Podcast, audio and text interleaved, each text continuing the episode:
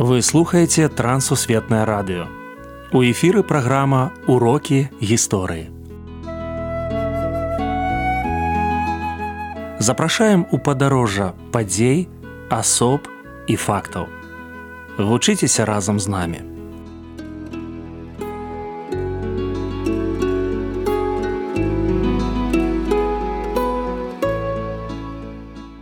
Добры дзень сябры. Перад мікрафонам сяржук брышцель і кандыдат гістарычных навук Андрусь унучак. Сёння мы пагаворым пра Паўла Яна Сапегу. Прывітанне Андрусь. Прывітанне сяржук. Прывітанне шаноўны слухачы.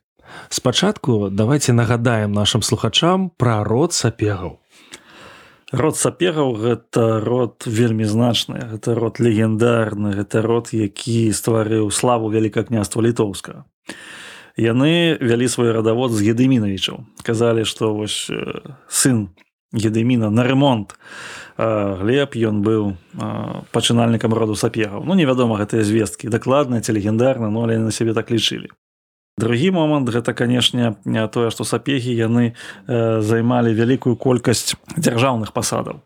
Так 25 прадстаўнікоў роду сапегаў былі ваяводамі у розных месцах беларусі трое прадстаўнікоў былі вялікімі гетманамі яшчэ трое прадстаўнікоў яны былі канцлерамі вялікага княства літоўска. Двое прадстаўнікоў генераламі артылерыі. Адзін прадстаўнік быў польным гетманам.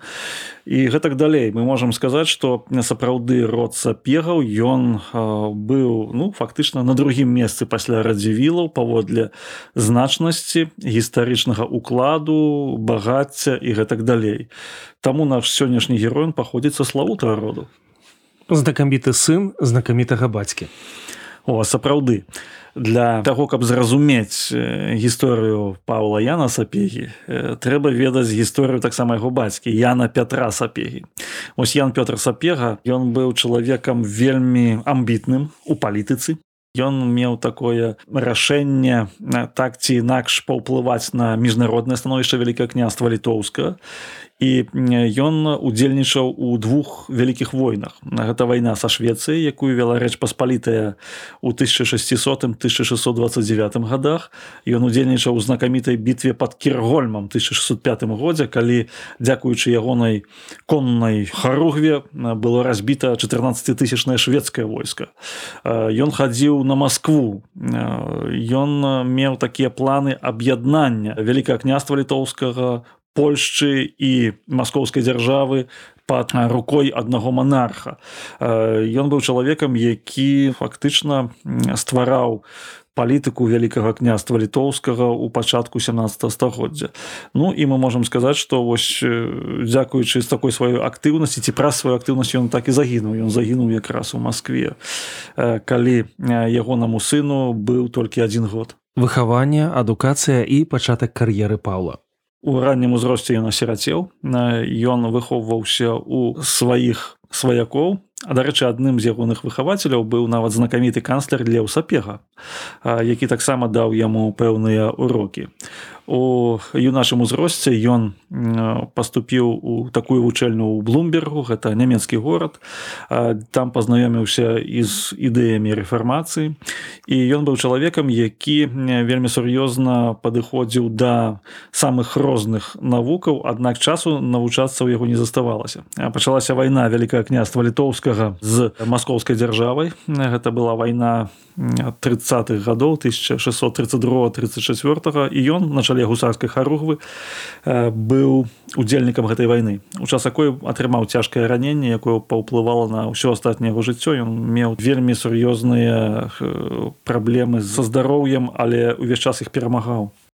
Паміж захадам і ўсходам у біяграфіі нашага гістарычнага госця Ён нарадзіўся ў такі час, калі была вялікая крыза ў адносінах паміж рэччу паспалітай маскоўскай дзяржавай і Швецыі. У 50-е гады 17 стагоддзя стаяла пытанне ўвогуле пра існаванне рэчы паспалітай. З усходу маскоўская дзяржава з захаду Швецыя і на пэўным моманце ён становіцца на бок шведаў. Ён разумее, што ну, як і Януш радзівіл, што па-іншаму не ўдасся ўратаваць свае дзяржавы але ён заставаўся прыхільнікам вуніі з польшчай. Такім чынам калі януш радзівіл ён хацеў увогуле зрабіць вунію вялікае княства літоўская і швецыі то ён лічыў што трэба пакінуць вунію з польшчай і балансаваць паміж двума гэтымі цэнтрамі сілы. Урэшце рэшт ён быў чалавекам праз якога адбылося вызваленне вялікае княства літоўскага і ад маскоўскіх войскаў і ад шведскіх войскаў. Таму у гістарычных хроніках пра яго пішуць лібератор літванія ці вызваліцель літвы. Прыклад любові да айчыны. Павел ян сапега пражыў нелёгкае жыццё. Ён быў чалавекам у якім спалучаліся палітычныя амбіцыі. Ён быў заўсёды паслом на сойм ну па сённяшніх мерках гэта дэпутат парламенту.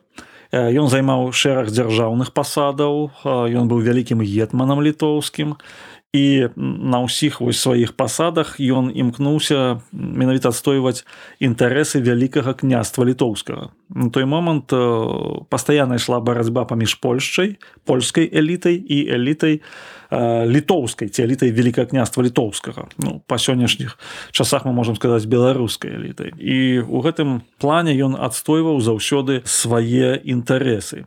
Наколькі яму гэта ўдавалася?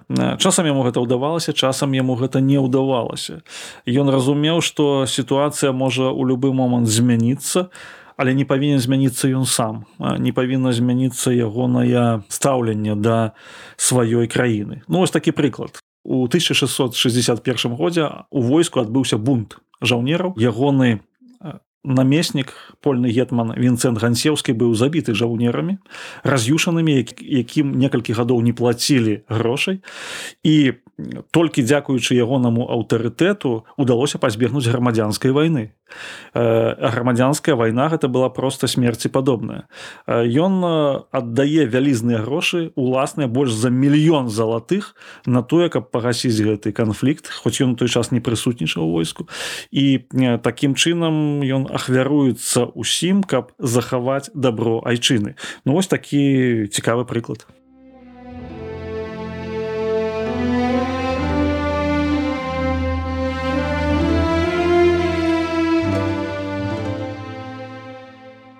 Павел Ян Сапега быў адным з багацейшых магнатаў, удзельнічаў у розных бітвах і імкнуўся праславіць свой знакаміты род.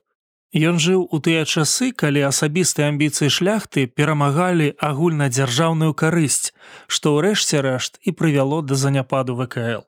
Павел Сапега памёр у ружанах 30 снежня 1665. -го. Пахавалі яго ў бярозе у касцёле картузаў, але магіла гетмана не захавалася. Цікава, што дэвізам гэтага ордэну былі словы: крыж стаіць, пакуль круціцца зямля. Думка відавочная, не мы цэнтр сусвету, а Христос.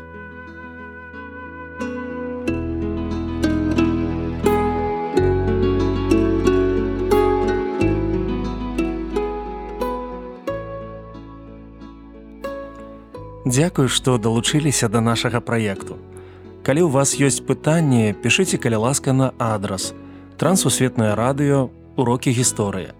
Паштовая скрынка 45, індекс 22 40 20, горад Брест 20, Беларусь. Пакідаю для сувязі электронную пошту rmtwr.by сабачка gmail.com шукайце нас на сайце twr.fm. Да новых сустрэч!